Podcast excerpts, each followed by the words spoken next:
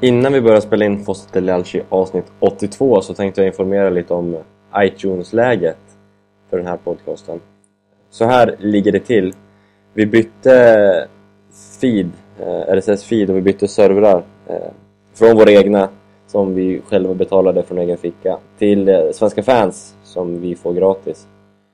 Detta inneburit, inneburit att ni måste söka om, hitta Fosse Delialci på nytt och prenumerera på nytt. Det är en ny feed alltså.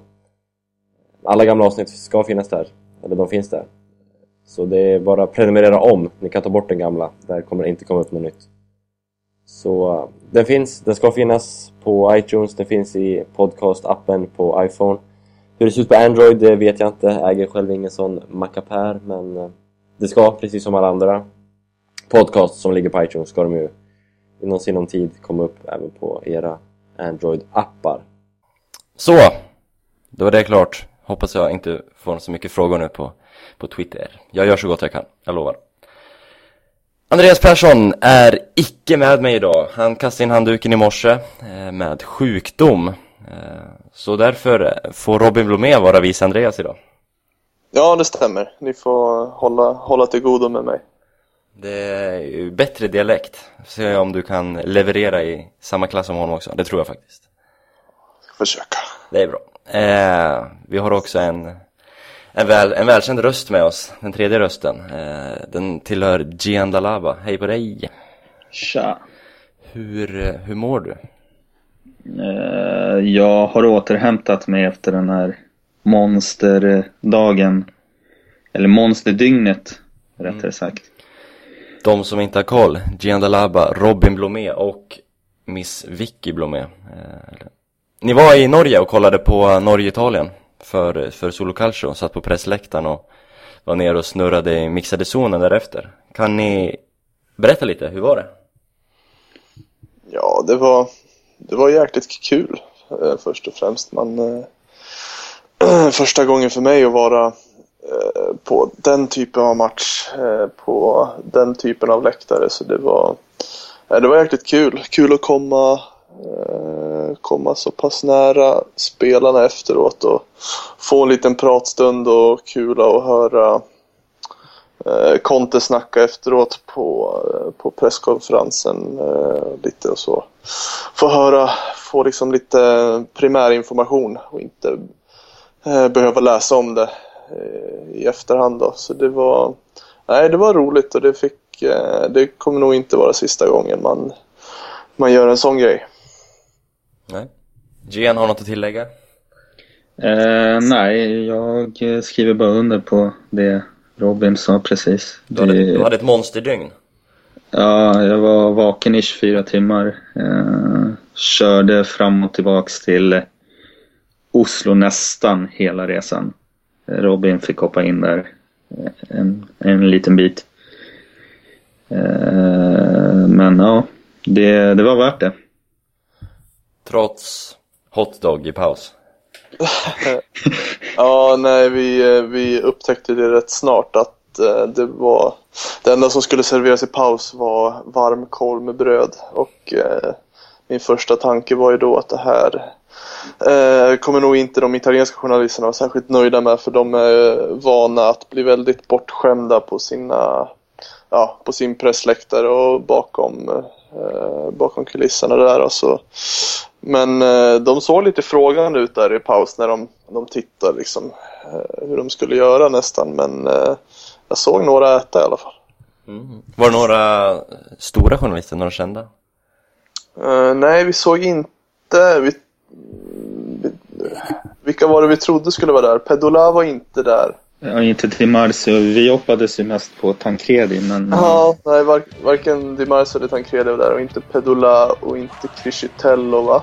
Nej. Eh, så, men ja, Rai hade ju ett stort team där men det var ingen från Sky eller från Gazettan. Eh, som vi kände igen i alla fall då. Det är nej. möjligt att de hade, eller de, de hade folk där har man ju självklart kunnat läsa det i efterhand men ingen som man kände igen ansiktet på. All right. Kul! Eh, Fossa Delialci då, vad ska vi prata om idag? Eh, det blir såklart Milan-Parma, eller Parma-Milan med tanke på Gihans närvaro. Eh, sen blir det lite allmänt Milan-tugg, ja, som vanligt oplanerat. Så vi, vi rullar på. Vi rullar den via. Forza Milan, sei forte, lotta da campione.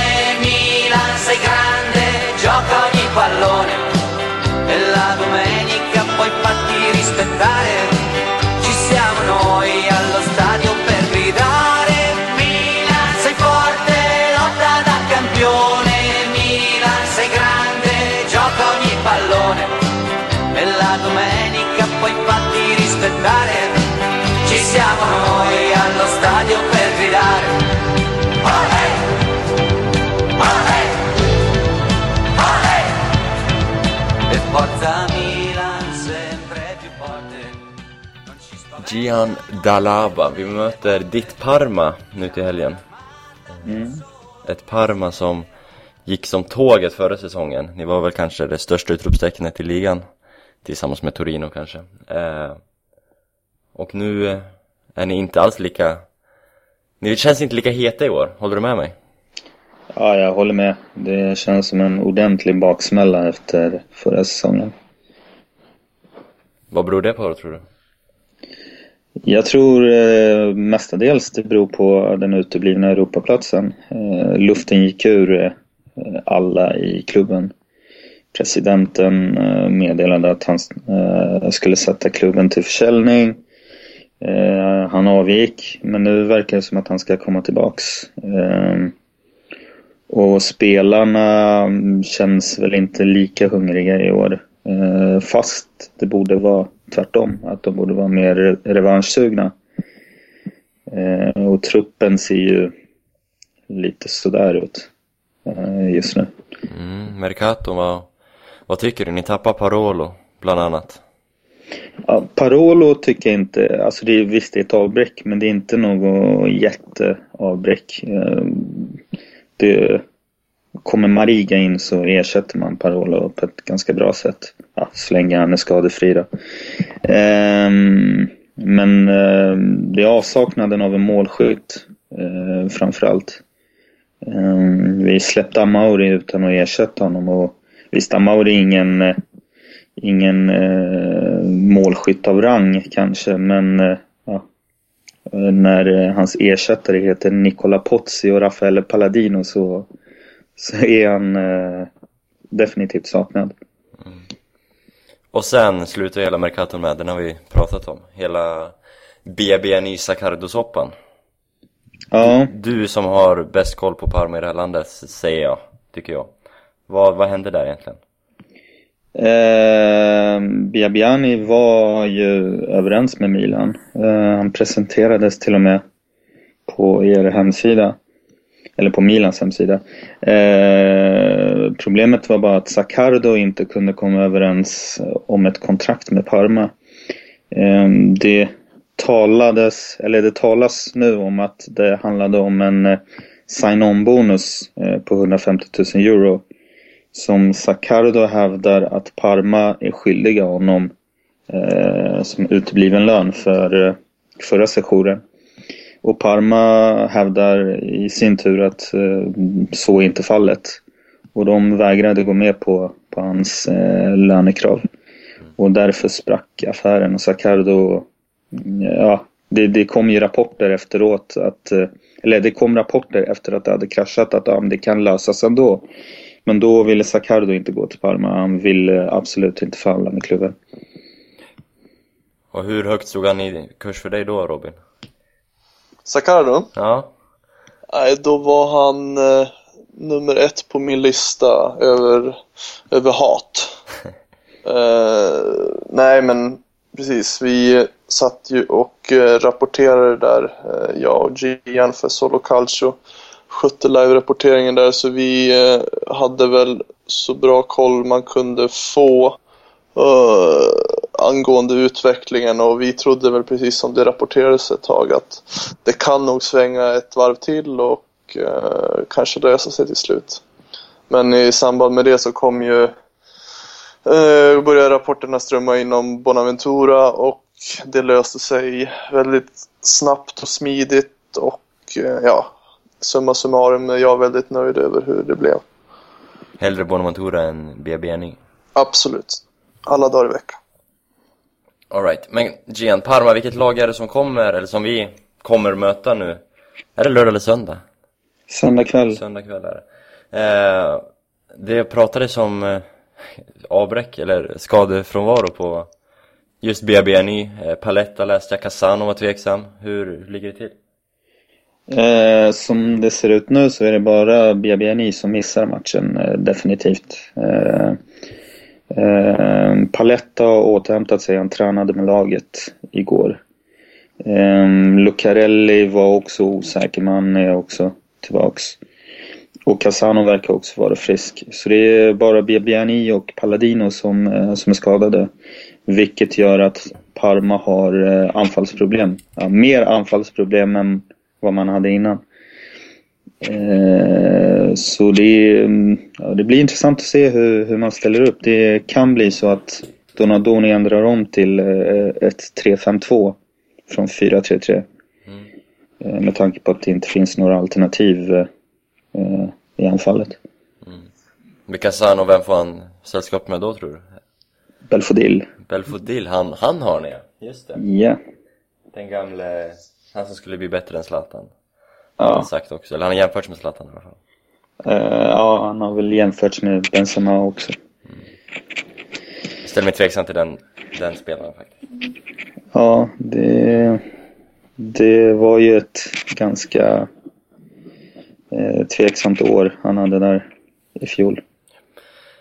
Robin, eh, med vilka tankar går du in till match efter 3-1 i ryggen? Eh, ja, de är väl de är mycket mer eh, optimistiska än vad jag var inför premiären. Eh, eh, inför premiären mot Lazio så kom vi efter en otroligt dålig försäsong som en, var, vars enda positiva resultat var ju den sista, eller var i Trofeo Tim då. Men jag är av spelet så är jag väl inte särskilt nöjd eller imponerad med premiären men eh, det som var väldigt positivt var att se eh, effektiviteten. Vi gjorde väl mål på eh, ja, den mesta vi fick eh, helt enkelt och eh, vissa, vissa spelares eh, individuella prestationer som såg väldigt lovande ut. El Sharawi såg ut att vara i bra slag. Eh, tyckte Alex skötte sig väldigt bra trots ett lite eh, snöpligt självmål. Eh, Menes tyckte jag gjorde det väldigt bra som falsk nia. Så det finns eh, små, små, små positiva bitar att ta, ta med sig från den matchen. Men det är ju lätt att sväva iväg nu när, det har, när vi har fått Eh, den här extra veckan av eh, tråkigt landslagsuppehåll att, eh, att, börja, att börja tänka på så ska man, det har faktiskt bara gått en match och spelet i sig var inte superövertygande. Men vi har, utöver de befintliga spelarna som spelade mot Lazio, så har vi ju nyförvärven, Fernando Torres, Bonaventura. Absolut. Det kryddar ju den här matchen rätt rejält. Det, jag är otroligt spänd på, på båda de två. Ja, nej, nu ska det bli, eh, nu ska det bli intressant att se eh, hur Inzaghi har tänkt ställa upp. Eh, jag antar ju att eh, Torres kommer spela på, på ja, som, som prima punta då, centralt och eh, Menes får flytta på sig eh, antingen till höger eller så kommer han få sitta på bänken. Eh, för El-Sharvi kommer spela och sen eh, är det får vi se hur eh, om Inzaghi väljer att spela Honda till höger. Det var ju tänkt, eller inte tänkt, men man trodde ju från början att, att Honda skulle komma först idag tillbaka till, till Milanello från Japan då. Eller från sitt landslagsuppehåll med Japan och trodde att det skulle bli lite tight för honom att ladda om och därför var många rätt säkra på att han skulle få inleda på bänken men nu kom han eh, redan igår Och eh, han hade ju också en rätt stark insats i första matchen så eh, Inzaghi har ett angenämt problem, tack och lov. Så eh, vi får se hur han ställer upp. Men eh, jag ser ju gärna att Bonaventura får, får chansen. På mittfältet då eller?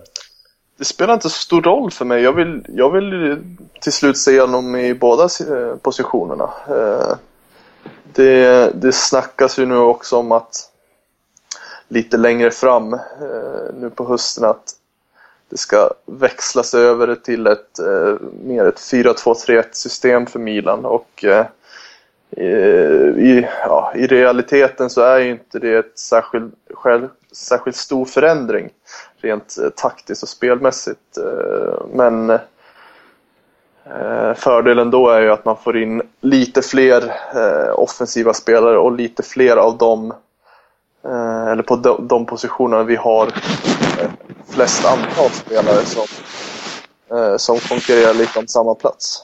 Mm. Ja. Eh, jag tänkte bolla över till, till dig igen. Vad, eh, Milans Mercato? Kanske slutet, eller du kan få sammanfatta hela om du, om du vill det. Eh, men Torres Bonaventura, vad tycks? Um, jag tycker det är godkänt. Um, jag tror faktiskt Torres kommer lyckas ganska bra i Milan. Trots eh, att många supportrar är missnöjda med den övergången. Eh, för jag menar, han, han var en eh, målskytt av rang innan eh, flytten till Chelsea. Och en, alltså, målskyttet försvinner inte bara sådär. Eh, jag tror att han kan väckas till liv eh, av eh, en bomber som Inzaghi. Eh, och Bonaventura, det är en eh, intressant spelare. Mm, eh, jag tror att på sikt är det en bättre värvning än vad Biabiani eh, var, eh, Biabiani är mer en eh, kontringsspelare. Och eh, om Milan eh, ska eh, försöka föra matcher så är Biabiani fel spelare och sätta sin tilltro till. Eh, för han, han passar bäst när han får ytor. Eh, I låsta matcher när man möter ett Kiev borta så är det kanske inte den bästa spelaren eh, att förlita sig på.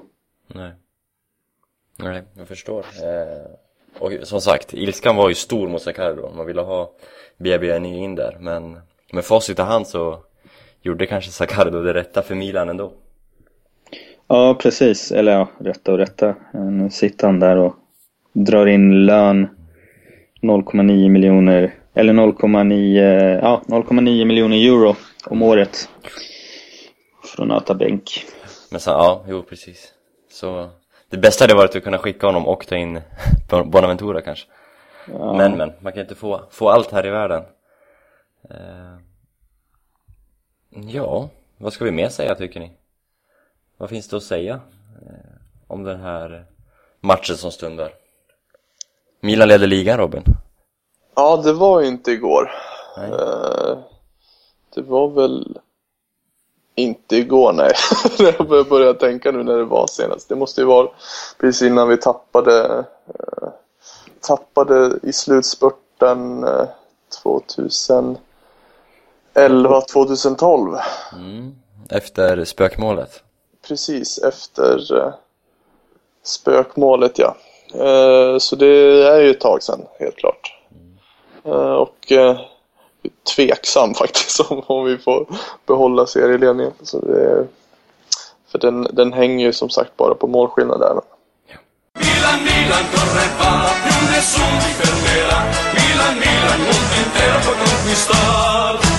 Som vi nämnde så blir det lite nytt lag.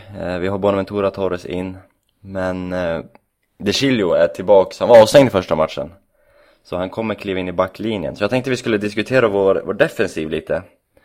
Eh, hur ska den här backlinjen egentligen se ut? Eh, Pippo sägs enligt eh, Solo Calcio att eh, han är bitter på, eller bitter på värvningen över Armero. Han är inte nöjd med värvningen.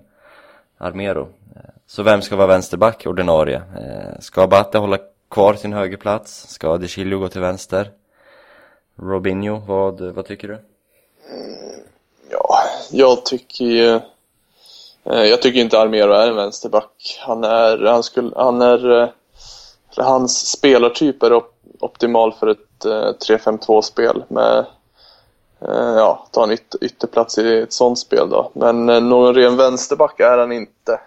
Och som som det spelar, som eh, Milan spelar just nu med ett 4-3-3 så är ytterbackarna inte särskilt skyddade eh, av, av en ren yttermittfältare så eh, då vill jag nog ha en lite mer defensivt skicklig ytterback och då får gärna De Chilio spela vänsterback för mig. Och då blir det nog att Rabate får vara kvar ute till höger. Hans prestationer i i premiären var ju faktiskt otroligt mycket bättre än vad den har varit i slutet av förra säsongen och, eh, eh och under försäsongen. Eh, jag tycker vissa tittar sig lite mycket för blind på eh, hur bra eller hur dåligt han slår sina inlägg eh, eh, under matcherna men det finns väldigt mycket annat som tycker jag man kan värdera hur bra eller dåligt han spelar eller har spelat. Eh, och mycket. mot Lazio tyckte jag han skötte sig faktiskt rätt bra. Eh, och eh, ja, det var ytterbacksplatserna det. Sen ska det bli intressant att se om eh, Zapata får spela kvar tillsammans med Alex. Jag tyckte de faktiskt skötte sig rätt hyfsat ihop och jag tycker de kompletterar varandra bra men väldigt stor, fysiskt starkt Alex som nickade bort allting. Eh, Zapata besitter en viss snabbhet. Eh, men eh, känner jag, kanske var lite fel uttryckt om jag känner Inzaghi rätt, men eh, många tränare har ju en förkärlek av att spela Bonera så jag tror nästan att Bonera kommer få göra Alex sällskap i mittförsvaret. Eh, om han nu inte av någon an- konstig anledning eh, väljer Rami eller Mexes. Det här med Bonera, jag har ju sagt det tusen gånger och jag har ju den eh, källan till varför han får spela så mycket och har gjort det så länge i, i Milan. Det är ju, allting hänger ju på Tassotti. Det är ju Daniele Bonera som skjutsar Tassotti till träning. Det är där hållhaken ligger. När Tassotti, så länge Tassotti är kvar kommer Bonera spela.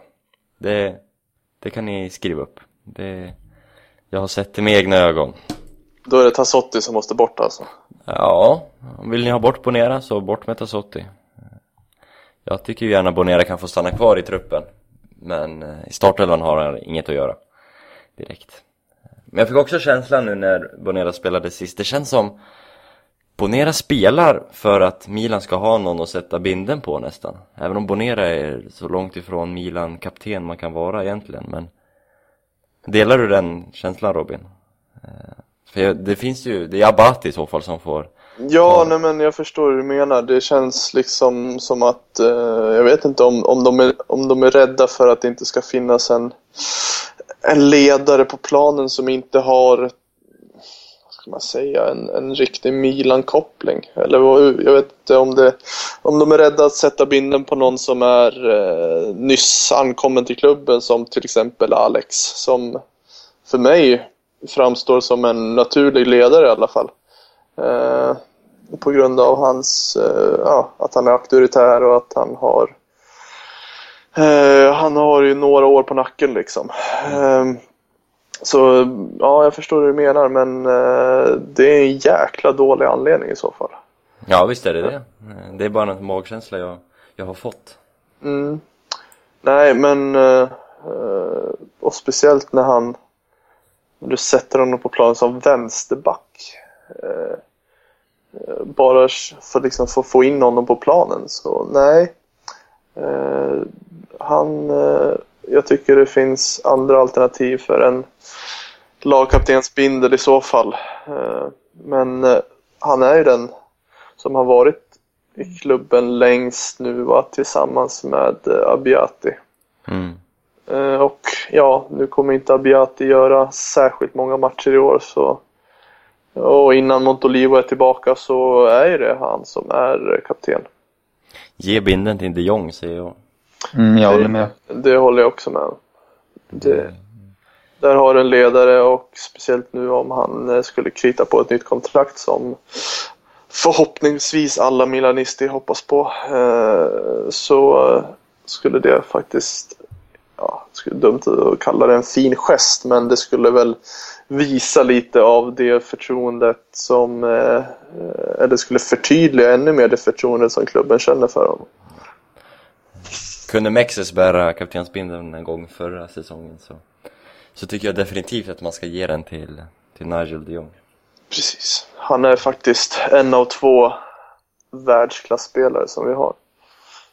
Han är ju, jag tycker han har allt som en kapten ska ha egentligen. Det är väl att han inte riktigt har varit lagkapten tidigare i karriären kanske som, jag vet inte, som sätter stopp eller att han är ny, relativt ny i klubben. Nej, jag vet inte.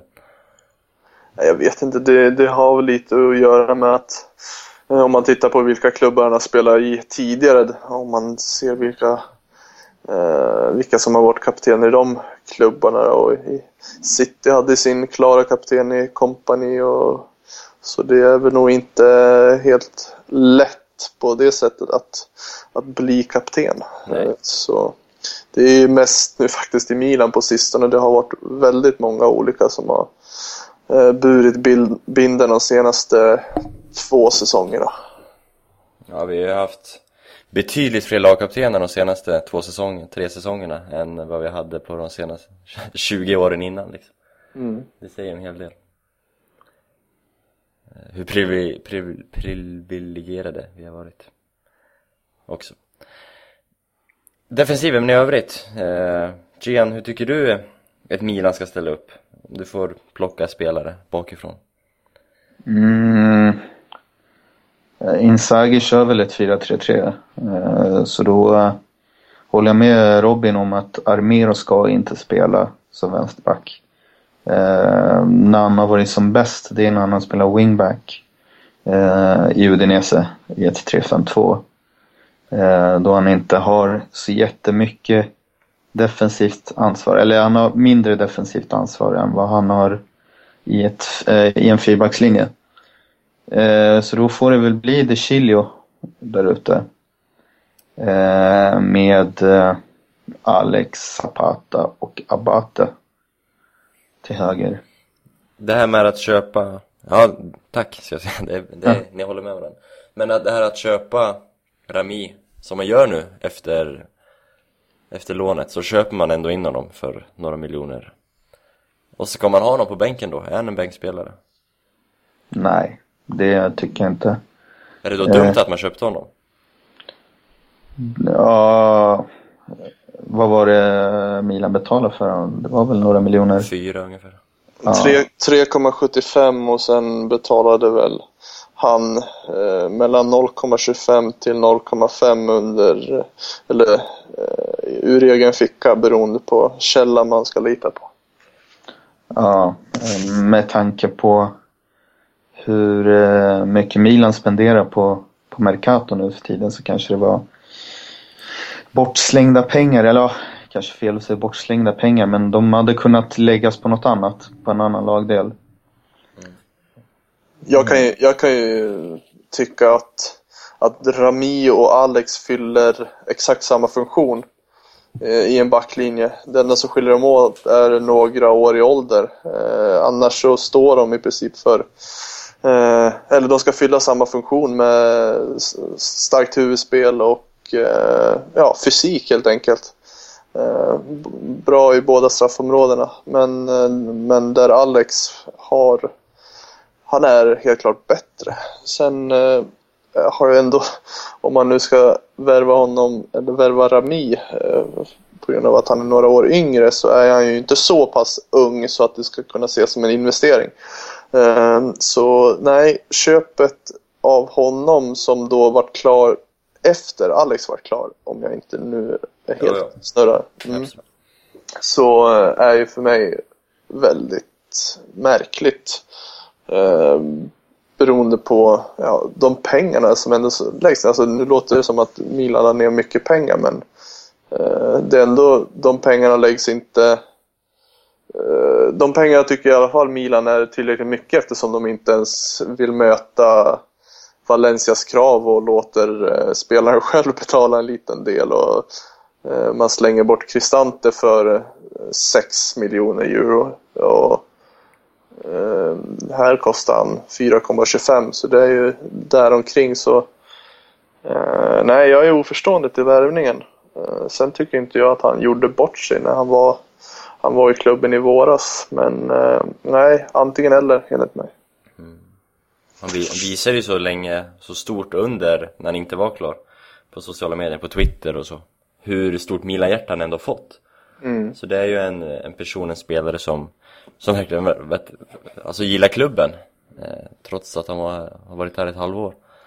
Ja, som, som supporter är det ju såklart enklare att ta, ta till sig sådana saker som, eh, ja, som Rami sa det och som Tarap har sagt till exempel. Men eh, ja, ska man vara lite mer cynisk så, eh, så var värvningen lite halv, halvkorkad eller kanske ogenomtänkt. Och då får man ju ha med det här att Milan behöll Bonera, Milan behöll Mexes. Det är ju, Precis. Sakardo är kvar i klubben som ändå har vikarierat som mittback under ett antal gånger. så mittbackspositionen är överflöd av, av kvantitet. Eller överflöd av kvantitet, bra, bra språk men. Det är ingen hög kvalitet vi har i, i mittlåset. Nej, de, de pengarna som till slut lades på Rami, det är i alla fall en Ja, i alla fall en 30, 30, 40 procent av en, eh, av en ung, duktig eh, mittback. Ja, De Fri gick för, vad var vi, 8, 9, Det var mindre va? 7, var det 7 till och med? Ja. Eh, så ja, då är det, då är det dryga hälften då. Inte för att vi var särskilt duktig mot Milan då, men han har ju visat hans kvalitet. Eh, det, men det är liksom sådana felprioriteringar som Milan, eh, Milans ledning gör gång på gång och som gör en lite frustrerad att det är så otroligt svårt att ta de här orden om ungdomssatsning på allvar när det görs sådana här värvningar som inte är nödvändiga eh, och på spelare med lite fel ålder. Eh, apropå det, du nämnde honom. Vår käre Cristante. Mm. Som, som också lämnade under deadline day. Var det va? Eh, Yes. Jo, det var det. Gian, vad... Du utifrån, hur, vad, vad har Cristante för bild för en, ja, för en Italien-älskare som kanske inte har sett honom så mycket?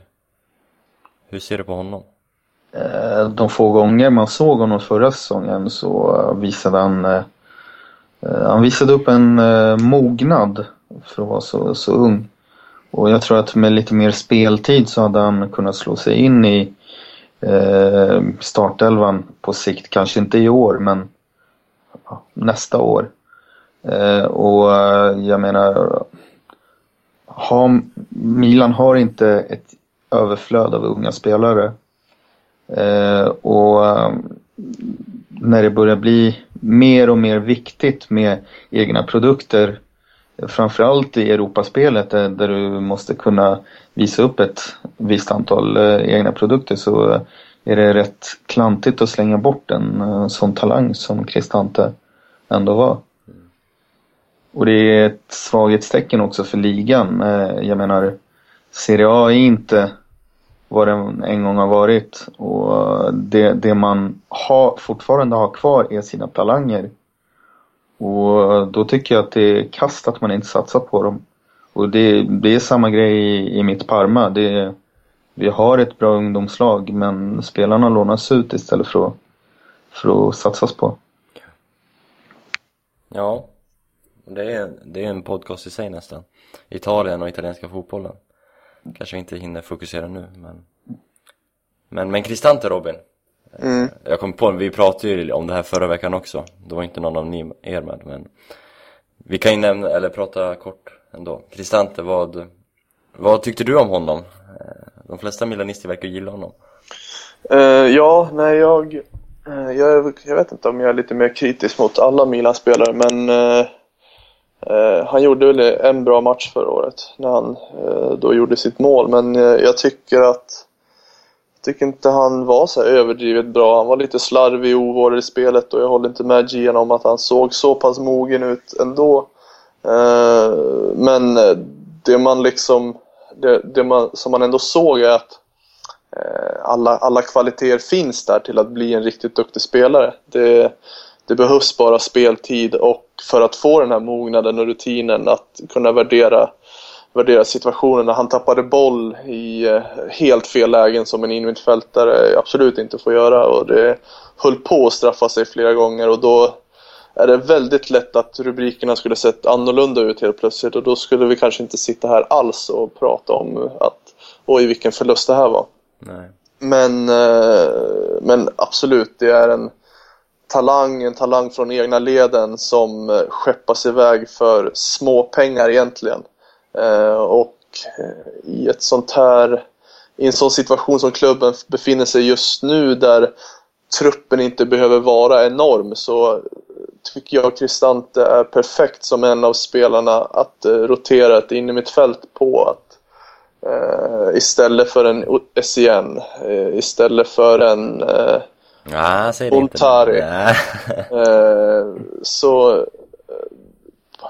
Men eh, hans krav själv, vad man har förstått en, eh, på Galliani, är väl att han ville ha rätt kontinuerlig eh, speltid och det var väl ingenting klubben kunde ge någon försäkran om. Men som sagt, det återstår väl att se hur bra den grabben blir.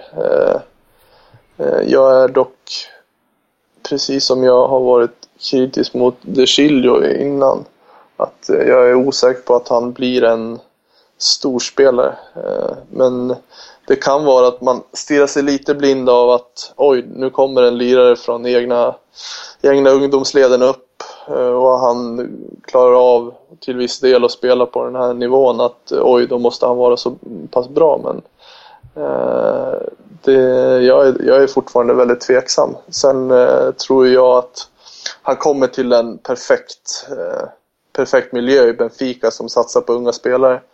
Eh, han kan mycket väl blomma ut bara av den anledningen och det är eh, kanske mer troligt att han får rätt typ av utveckling där. Eller han får bättre eh, utveckling där än vad han skulle få i Milan de kommande säsongerna. Han tas under rätt bra vingar. Eh, I form av Rui Costa. Som Mm. jag, jag skulle nästan vilja eh, lägga en liten liknelse mellan de två spelarna. Eh, Även om Rui Costa höll upp, eller höll till högre upp i plan. Så, ja, jag tycker inte de är helt olika i, i spelstilen då. Nu såg jag för sig inte extremt mycket av Rui Costa, jag är väl för ung för att sett hans glansdagar, men Eh, Rui Costa är en klassisk trekvartista med magiska fötter som kunde även spela på andra positioner men hans spelstil är väl en, en urtypen av en trekvartista. Eh, jag tycker då personligen, om du nu vill motsäga mig igen, så eh, är Cristante den spelartypen som eftersöks mest nu på, på spelarmarknaden. Den här box-till-box-spelaren som Juventus innehåller en av världens två bästa i form av Vidal och Pogba som kan löpa eh, mellan straffområdena och vara extremt farliga framåt och extremt nyttiga bakåt. Eh, den, eller de egenskaperna hade, eh, eller har, har Cristante och det, det är lite det jag menar att han hade egenskaperna men eh, kvaliteten just nu var inte så här överdrivet eh, bra för att kunna hävda sig just nu men eh, eh, det skulle bli intressant att se hur, han kan eh, han kan utveckla dem och eh, hur bra, hur bra han kan bli. Han blir lagkamrat med din gamla lagkamrat i Mm. Benfica. Som, jag, som jag, jag har spelat mot många gånger. Ja, precis. Victor Lindelöf Nilsson. Ja, han, eh, jag och Viktor vi spelar ihop i tre år. Eh, Så eh, nej, jag har, jag har inte hunnit snacka med Viktor någonting men han eh, det lilla jag har hunnit prata med honom så sa han att det är en väldigt bra spelare. Han hade koll på Cristante. Och eh, nu har de väl hunnit träna ett antal pass ihop så jag får väl, eh, jag ska kolla försöka få lite inside hur det går för eh, Cristante där borta i Portugal. Kan vi få lite exklusivt här i, Mm. i Fossa del Alce kanske? I Precis. framtiden. Eh, eh, eh, eh. Ja. Eh, om man går upp då, vi pratar defensiven och hamnar på Cristante. Men offensiven, hur, hur vill ni pussla ihop den? Vi var inne på 4-2-3-1, 4-3-3. Eh, Gian, om du skulle, om du fick vara tränare i Milan. Eh, hur skulle du formera? Om vi säger så. Om du kanske blir tagen på sängen men Uh, jag hade väl fortsatt med 4-3-3. Uh, ehm, just för att uh, Milan har spelartyperna för det. Ehm, problemet är väl att en sån som Honda då lämnas utanför en, eh, uh, spelare, eller en startelva. Men ja, jag hade spelat med Menes och El Sharawi på kanterna och så hade jag satsat på Torres.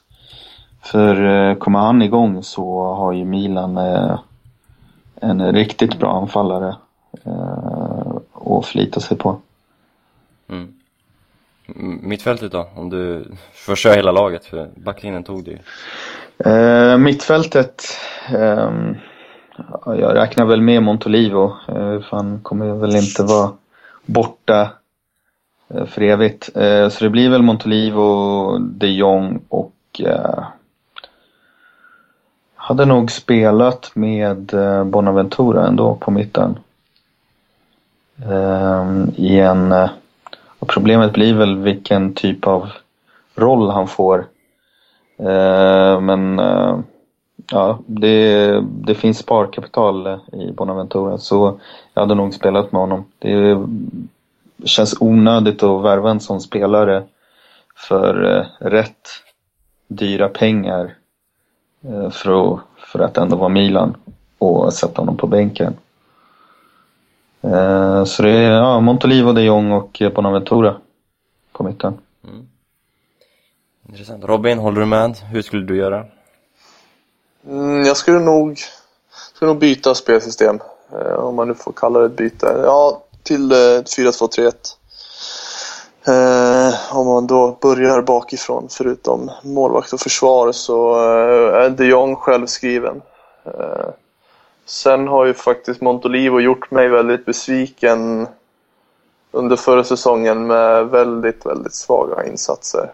Eh, så jag skulle faktiskt Eh, när, när Montolivo är bra så är han väldigt bra, men när han är dålig så är han väldigt dålig. Och eftersom Milans spel bygger mycket på att han ska ha bollen så gör han antingen bra saker eller så gör han verkligen bort sig. Det eh, så Montolivo är inte självklar i min elva, men eh, det står mellan han eh, och eh, Pauli i den defensiva rollen faktiskt. Eh, det är väldigt svårt att uttala sig om van Ginkel till exempel eftersom man inte har sett någonting och jag har inte sett någonting av, av honom i Chelsea. Eh, eller Vitesse heller för den delen. Eh, Montari, ja, mitt öga för honom är inte super. Det, det är lite upp och ner för honom där också. Men de två positionerna är väl de minst intressanta om man nu ska prata Milans offensiv. Eh, då blir det ju sex platser kvar. Det blir tre offensiva mittfältare och en, och en forward och eh, El Shaarawy är självskriven ute till vänster. Torres måste ges en ärlig chans där fram. Eh, sen har man väl egentligen väntat på att Honda ska få ska få en ärlig chans i sin, i sin position verkligen som är släpande anfallare. Och eh, efter han har fått nu, nu när han verkar även ha fått lite någon form av självförtroende han var även i vägens sväng nu till Japan och spelade landskamp och det gick bra för honom att, eh, att han skulle få fortsätta där i, i en central position. Eh, och sen till höger är jag otroligt sugen på att se Bonaventura. Så det skulle väl vara min eh, fyra där uppe med, med El Shaarawy, Torres, Honda och eh, Bonaventura. Och då finns det ju spännande vid sidan av med eh, Menes och Niang bland annat. Eh, ja, och lite backuper på, eh, på den defensiva tvåan där på mittfältet också. Ja, bra snack. Eh, Då har vi fått två lite olika uppställningar. Får se vem som kommer närmast. Det är väl kanske, kanske Gians elva som är mest trolig nu till, till söndag mot Parma. Något i den stilen i alla fall. Ja, absolut. Det är det. Eh, jag skulle hälsa från Andreas. Eh, det glömde jag säga tidigare, men han, eh, hans cliffhanger, veckans ost, den, den är uppskjuten till, till nästa vecka. Så vi funderade lite här innan vi började spela in om, om vi skulle ha in någon ersättningspunkt till veckans ost, men det kommer bara bli konstlat och fejkat, så eh, vi låter den vila tycker jag. Så får Andreas köra hårt nästa vecka. Det är, svår, det är svårt att toppa. den är svårt hoppad. Men som sagt, Andreas är tillbaks nästa vecka. Förhoppningsvis. Han är så sjuk så han kan inte prata. Det är därför han inte är med. Det är bra att han kan ta hand om sig själv i alla fall. Ja, precis. Vill ni prata om något mer? Eller ska vi, ska vi lägga på? Tacka för oss. Det bestämmer programledaren tycker jag. Ja, jag håller med. Ja, eh, vi kan ju nämna det eftersom vi tre är rätt stolta. Eh, det är ju inte vilka som helst jag sitter och pratar med idag. Det är ju chefredaktörerna för, eh, för Solo Calcio. Eh, tillsammans med mig själv. Det är vi tre som tar över efter Sia, den gode Sia. Ser ni fram emot mot det uppdraget? Absolut. Vad blir det för förändringar för, för oss? Vad kan man förvänta sig? Ehm, ja, vi ska ju fortsätta styra sajten som ja, på den inslagna vägen kommer väl bli lite förändringar eh, som eh, läsarna får helt enkelt vänta och se. Inte slänga ut för mycket luften nu kanske? Nej, precis. Nej, vi måste hålla på hemlisarna. Men eh, det kommer väl bli förändringar som enligt oss kommer innebära förbättringar. Eh, så vi hoppas på en ännu mer attraktiv eh, sida om italiensk fotboll. Så när ni inte är inne på Svenska fans och lyssnar på det här eller läser mina texter där, eller våra texter där så solculture.se är ju the place to be. Tycker jag. Eh, och med det får vi avsluta den här podden. Tack för att ni ställde upp. Tack själv. Tack själv! Så vi hörs fredag nästa gång igen förhoppningsvis. Jag och Andreas har sagt att vi ska köra fredagar precis som förra veckan. Och det var någon som sa att fredagar är ju Calciomania-dagen. Men då får man ha i minnet att Fosso del Calcio har ungefär funnits ja, två år längre än vad Calciomania funnits. Och fredagen var vår dag först. Så eh, om det är någon italiensk fotbollspodcast som ska komma ut på fredagar så är det ju vår. Helt klart, de här copycatsen får ju anpassa sig för oss, tycker jag. Bra, tack för att du har lyssnat. Kommentera, Twitter, mail. Vi hörs nästa vecka. Hej då! Ciao! Ciao.